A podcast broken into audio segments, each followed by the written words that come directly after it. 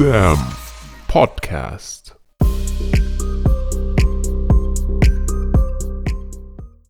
أهلا بيكم في حلقة جديدة من سام بودكاست النهارده عندنا بداية مختلفة. هعلمك أو هكلم معاك النهارده في إزاي تأسس ال startup أو ال business الخاص بتاعك. الموضوع في مليون شخص قبلي اتكلم على إزاي تبدأ الشركة الخاصة بيك إزاي يبقى عندك ال startup الخاص بتاعك. اللي أنا هقدمه لك وأنت بتسمع البودكاست ديت ال 15 دقيقة ولا 20 دقيقة إن أنت باختصار لو ما عندكش خلفية تماما في مجال ال business هتقدر بعد الخطوات اللي أنا هتكلم فيها النهارده تعرف إزاي على الورق تقدر تكون شركة خاصة بيك أو startup ايا كان إيه ال product أو ال service اللي عايز تقدمها. الموضوع في أغلب الأحوال موحد وليه خطوات معينة أو steps معينة لو مشيت عليها هتقدر لو عندك product أو عندك منتج أو خدمة بتقدمها فعلا الناس محتاجاها هتقدر تكبر بالشركة الخاصة بيك أو ال startup الخاص بيك لأرقام مهولة فعلشان كده استريح كده واسمعني بروقان وأنا هقولك على كل خطوة وكل معلومة أنا كنت أعرفها في مجال إنشاء ال business الخاص بتاعك أو إن يبقى عندك شركة خاصة بيك. أولا خليني أقسم لك الموضوع لشقين. الشق الأولاني أنا هسميه الشق اللي بجد والشق التاني هسميه اللي بهزار. خلينا نبدأ باللي بهزار. اللي بهزار باختصار هو لو أنت عايز تعمل business من غير دراسة للموضوع وخلي بالك ممكن في أغلب الأحوال تنجح يعني النجاح أو الفشل غير مربوط بال steps اللي أنا هكلمك عليها ليه لأن في عنصر كبير جدا ما بنتكلمش عليه دايما في ال business واللي هو عنصر الحظ أو اللك بمعنى إن أنت لو شخص عندك حظك كويس ممكن تفتح مطعم أو ممكن تفتح محل تبيع فيه لبس أو ايا كان على حسب البيئة أو التوقيت أو الظروف اللي أنت محاط بيها وتنجح. فده مش معناه إن الشق اللي أنا بسميه بهزار غير قابل للنجاح ولكن ال بجد عنده قابلية أو percentage أكبر إن هو ينجح. لأنه عمل اللي عليه أو درس الموضوع دراسة كاملة أو فاهم يعني إيه ال business الخاص بتاعه مداخله ومخارجه والتفاصيل بتاعته. الشق اللي بهزار ممكن أدي لك مثال إن أنت يكون عندك فكرة عايز تحققها النهاردة أو بكرة أو الأسبوع الجاي. Let's say عندك مكان عايز تأجر let's say عندك مكان عايز تأجره أو تحوله لمحل أو عندك فكرة بسيطة أو مكررة يعني مثلا عايز تفتح مطعم أو عايز تفتح محل تبيع فيه أكسسوارز عربيات. كل الأمثلة ديت مكررة وما فيهاش نوع من أنواع ال... خلينا نقول ال creativity فعلشان كده ده عادة سهل تنفيذه وعلشان كده برضو ال profit أو المكاسب بتاعتك شبه محدودة. يعني أنت لو بيخش لك 10000 جنيه أو 50000 جنيه في الشهر أو ايا كان المبلغ ده مش مبلغ كبير لكن لو بيخش لك نص مليون جنيه في الشهر أو 10 مليون جنيه في الشهر يبقى محتاج تكون فاهم يعني إيه ال market اللي أنت داخل فيه فاهم يعني إيه المنافسة اللي أنت فيها فاهم يعني إيه الشخص ال competitor بتاعك بيقدم إيه. الشخص اللي عايز يفتح business بهزار عنده الإمكانية إن هو invest أو يستثمر مبلغ بسيط وبحكم إن ال risk بيبقى برضه بسيط علشان كده ال profit margin أو المكسب بتاعك النسبة بتبقى غالبا معروفة أو محدودة. يعني أنت لو عندك محل أكل أو عندك كافيه مفروض إن أنت هتبقى عارف ال material cost بتاعك قد إيه ايا كان الشاي السكر الكلام دوت كله هتبقى أنت عارف بيكلفك قد إيه وعارف المحل إيجاره غالبا في حدود قد إيه هتدفع كام للموظفين هيبقى عندك فكرة عامة عن التكاليف اللي أنت هتصرفها الداخل والخارج وفي الآخر هيتصفى بعد الضرايب مبلغ كذا. وده بيخليه موضوع شيق للشخص اللي مش عايز يتعب في التفكير أو ما بيحبش الترتيب أو دراسة الموضوع بشكل كامل. يبقى ده الجزء الأولاني اللي أنا بسميه من ال business بهزار ودوت مش هدفي النهارده في البودكاست إن أنا أتكلم عنه.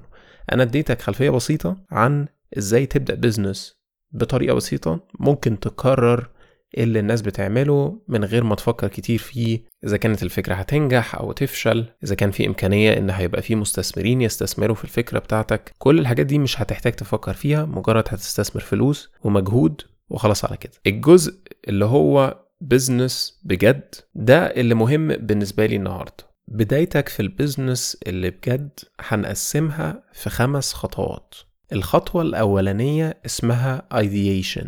واللي هي التصور أو التفكير. أول حاجة هفترض معاك إن أنت دلوقتي عندك فكرة خلينا نقول عشان المثال بتاعنا سماعات. أنت الهدف إنك تبيع product اللي هو سماعات. والسماعات دي ليها طبعا مميزات في تخيلك بتعزل الصوت مريحة. طبعا مش هنخش في تفاصيل السماعات ديت بتعمل إيه بالظبط بس علشان ال example أو المثال بتاعنا هناخد مثال السماعات. أول حاجة بتعملها في مرحلة ال ideation إن أنت بتشوف إذا كان في مشكلة أنت بتحلها. لأن لو مفيش مشكلة أو الشخص أو ال customer أو ال consumer بتاعك ما عندوش مشكلة يبقى انت بتعمل product الناس أصلا مش محتاجاه. فلازم تكون فاهم في الخلفية إن انت بتحل مشكلة. خلي بالك إن حلك للمشكلة مش لازم تكون مشكلة عويصة أو مشكلة عمر ما حد فكر فيها. ممكن تكون مشكلة بسيطة جدا. أهم حاجة إن يكون في مشكلة وأنت بتحاول تلاقي لها حل. الخطوة التانية إن انت بتعمل حاجة زي ال mind map. يعني إيه mind map؟ يعني بتاخد كل الأفكار اللي في مخك أو اللي في دماغك وبتحطها على الورق وبتحاول توصل ما بينهم خطوط أو شروط بمعنى إنك بتعمل زي clustering أو بتجمع الأفكار المتشابهة في مكان واحد وباقي الأفكار المتشابهة في اتجاه آخر في مكان تاني. ده بيساعدك في إيه في الأول؟ ده بيساعدك إن أنت لو عندك أفكار كتير جدا مش متخيل شكل المنتج بتاعك مش متخيل السماعات دي هتعمل إيه بالظبط هيبقى شكلها إيه هتستهدف لمين كل الأفكار ديت محتاجة ترتيب أو محتاجة تقسيم. زي ما قلت لك من أفضل الطرق هي إنك تكون حاجة اسمها mind map اللي هي خريطة ذهنية. وتخيل معايا كده هتحط المشكلة في النص ويتفرع منها let's say الحلول أو عمق المشكلة. يعني لو في المشكلة ديت متفرع منها مشاكل تانية كتير يبقى هتقسمها على حسب مشاكل أو هتقسمها على حسب حلول. بس تحط أفكارك أو حلولك أو مشاكلك في ورقة. ودي هي أول خطوة مبسطة لإزاي تبدأ الشركة بتاعتك أو ال startup الخاص بيك. تاني خطوة تاني خطوة هي خطوة ال prototype. يعني إيه prototype؟ يعني النموذج المبدئي للمنتج الخاص بيك. قبل ما اقولك إزاي تعمل النموذج المبدئي الخاص بيك لازم تفهم إن في خطوة في النص مهمة جدا. دي أنا مش هحط عليها رقم ولكن لازم تشوف إذا كان الماركت أو في ناس بتقدم منتج شبيه ليك. في أغلب الأحوال بنسبة 99% هتلاقي إن نفس الفكرة أو نفس المنتج اللي أنت بتقدمه أو بتفكر فيه في شخص تاني أو في شركة تانية في مكان ما في العالم بيقدمه. إحنا حاليا وصلنا للعصر إن جميع الأفكار تقريبا موجودة أو في حد تاني فكر فيها أو محققها بشكل أو اخر طبعا الخطوة دي بتساعدك إن أنت ترجع تاني وتشوف إذا كان المشكلة في مرحلة ال ideation أو مرحلة التفكير هل في أفكار نسيتها؟ هل في أفكار ممكن تزود عليها؟ هل لما شفت المنافسة أو شفت شخص مماثل ليك بيقدم نفس المنتج اللي انت عايز تقدمه هل بيقدم حاجات أفضل من اللي انت كنت حابب تقدمها؟ وبكده لما تيجي للخطوة التانية اللي هي ال prototype محتاج تفهم أو محتاج تعرف إن انت هت implement أو هتمثل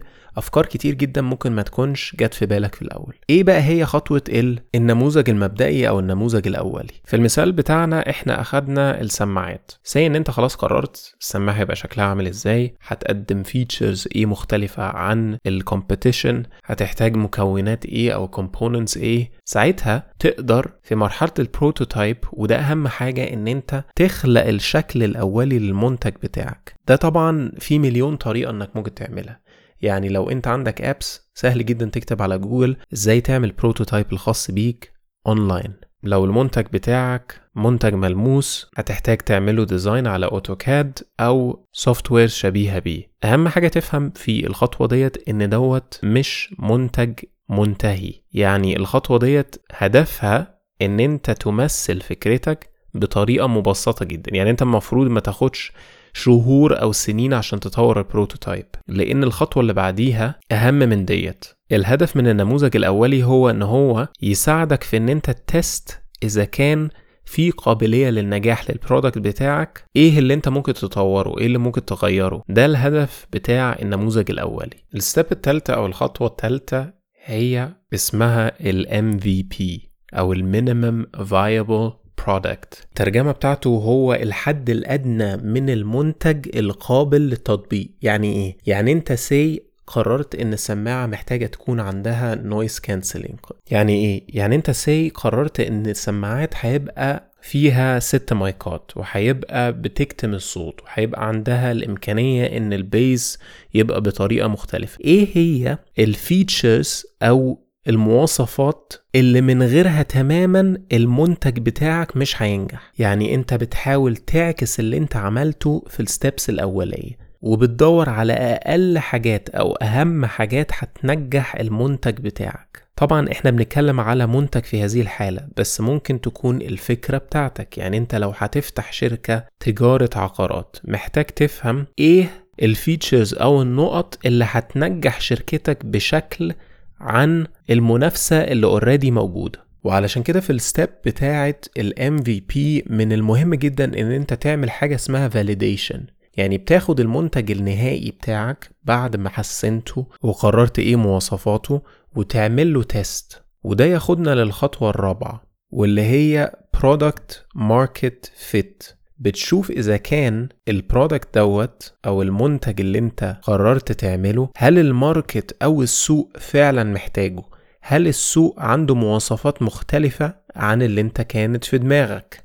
وعلشان كده في مبدأ مهم جدا في ال startups اسمه lean startup يعني إيه lean؟ يعني startup دايما بتطور من نفسها وبتغير من ال business بتاعها اللي يوافق ال customer وال market محتاجه. يبقى في ال step الرابعة اللي هي ال product market fit محتاج تعرض فكرتك على ال customer بتاعك. يعني مثلا لو أنت بتبيع سماعات تمنها let's say 10000 جنيه وهتستخدمها في ال gaming أو إن أنت تبقى بتلعب بيها اونلاين أو على البلاي ستيشن 4 أو 5 أو ايا كان. ده معناه إن ال test بتاعك ما ينفعش يكون على DJs مثلا لأن المواصفات أو الاحتياجات اللي هم محتاجينها مختلفة تماما عن الشخص اللي بيلعب gaming وعلشان كده لازم تختار إيه هو وتحدد ال customer بتاعك. وتحديدك لل customer بتاعك ده جزء من ال product market fit لأن في ال product market fit أنت بتعمل ال BMC واللي هو ال business model canvas يعني أنت بتحقق لأول مرة أهم شرط من شروط ال business القائم وهو مخطط نموذج عمل تجاري.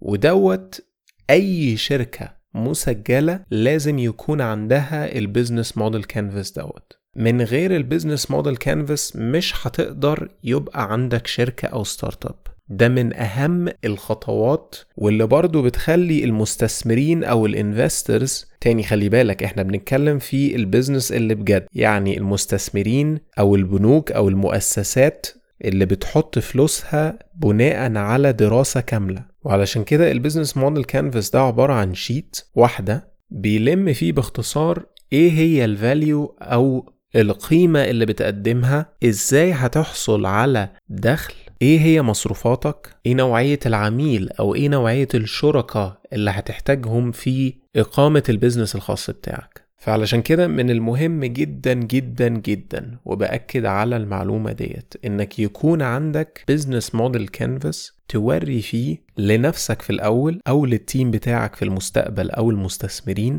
إيه هو بالظبط أو بالتفصيل ال structure أو الأساس أو البنية بتاعة ال business اللي هتبدأه؟ وبكده تكون انتهت الخطوة الرابعة واللي هي ال product market fit عرفت المنافسة بتاعتك عرفت إمكانية أو شكل ال business الخاص بتاعك عامل إزاي أو الناس المهتمة بيه شكلهم عامل إزاي. نيجي لأفضل خطوة وأحسن خطوة نيجي لآخر خطوة واللي هي ال scaling and profitability اللي هو لما بتكبر طبعا أنت هدفك ممكن يكون الأولي والأخير هو إن أنت تحقق دخل معين. scaling and profitability واللي هو التوسع أو الربحية في المستقبل ده دايما محطوط في آخر الخطوات لأن المفروض إن هو يكون مش هدف أولي. يعني من الطبيعي جدا إن أنت تبدأ شركة وبعد سنة أو اتنين أو تلاتة تبدأ تدخل دخل. يعني في الطبيعي جدا إن أنت في الأول بتحرق فلوس جامدة جدا في استثمارك في المنتج استثمارك في ال machine اللي بتصنع المنتج استثمارك في ال team اللي هيساعدك في ال marketing في ال sales. وعلشان كده let's say لو صرفت في الأول مليون جنيه ده طبيعي جدا في تحقيق هدف بعد خمس أو أربع سنين هتتعكس ال cycle وتبدأ لأن أنت عندك منتج أو service بتقدمها بتضيف فعلا زي ما قلنا value للشخص اللي بيستخدمها أو بتحل مشكلة الشخص اللي بيشتريها محتاجها هيبدأ يبقى عندك حجم دخل ضخم جدا. يعني أنت لو ابتديت تلاحظ إن الطلب على المنتج بتاعك بدل ما كنت بتوزع في محل أو اتنين أو عشرة بقى قرر chain ضخم إن هو يتبنى المنتج بتاعك وهيوزعه في 100 فرع حوالين البلد أو هيصدر المنتج لبلاد أخرى. ساعتها لازم تفهم إنك هتحتاج تضخ فلوس في مقابل إن ال business يكبر. طبعا الفلوس آخر خطوة تفكر فيها. في الزمن اللي إحنا بنتكلم فيه دوت لازم تفهم حاجة كويسة قوي حجم الفلوس أو حجم الاستثمارات اللي بتستثمر كل يوم ايا كان أنت في الشرق الأوسط أو في أمريكا أو في أوروبا مهول. وعلشان كده لو أنت عندك فكرة كويسة وتطبيق كويس للمنتج أو ال service اللي أنت بتقدمها من المستحيل إن أنت ما تكبرش الفكرة أو ال business الخاص بتاعك. بالعكس ده في بعض الأحوال بتبقى من الصعب إنك ترفض تكبير ال business بتاعك. يعني في ناس أشخاص من كتر ما ال business بقى ناجح أو في طلب أو demand على ال product مش قادرين أو مش عايزين يكبروا حجم ال business بتاعهم. لأن في النقيض طبعا أنت ممكن يبقى داخل لك مليون جنيه في الشهر أو 10 مليون جنيه بس في النقيض بيبقى فيه طبعا أولويات وضغط ومسؤوليات طبعا بتحتاج إن أنت بيبقى تحتيك team لازم تشرف عليه بتحتاج تحط وقت أكتر أو بمعنى أصح ت delegate واللي هو تعين حد ياخد باله من ال business وعلشان كده الخطوة الخامسة والأخيرة اللي إحنا هنتكلم فيها النهاردة في البودكاست واللي هي ال scaling أو ال profitability أو إن هي تحقق ربح أو تحقق نمو كبير في ال business بتاعك دي خطوة عاجلا أو آجلا هتوصل لها لو المنتج بتاعك ناجح لو عامل دراسة كاملة ل إذا كان في طلب في السوق إذا كان المنتج بتاعك بيحل مشكلة وهكذا. آخر حاجة في الخطوة الخامسة هي إنك لازم تكون محدد إيه الهدف من ال business بتاعك في هذه المرحلة. هل أنت حابب تحافظ على ال business ولا لسبب مثلا إن أنت حابب تحافظ على اسم الشركة؟ ولا الهدف مادي بحت؟ في هذه الحالة في ناس كتير جدا بتلجأ لحاجة اسمها exit strategy. يعني هم بيأسسوا الشركة في الأول وفي الآخر علشان يبيعوها. وده ممكن يحقق لناس كتير جدا اللي بيبقى هدفها في الأول وفي الآخر هو المادة.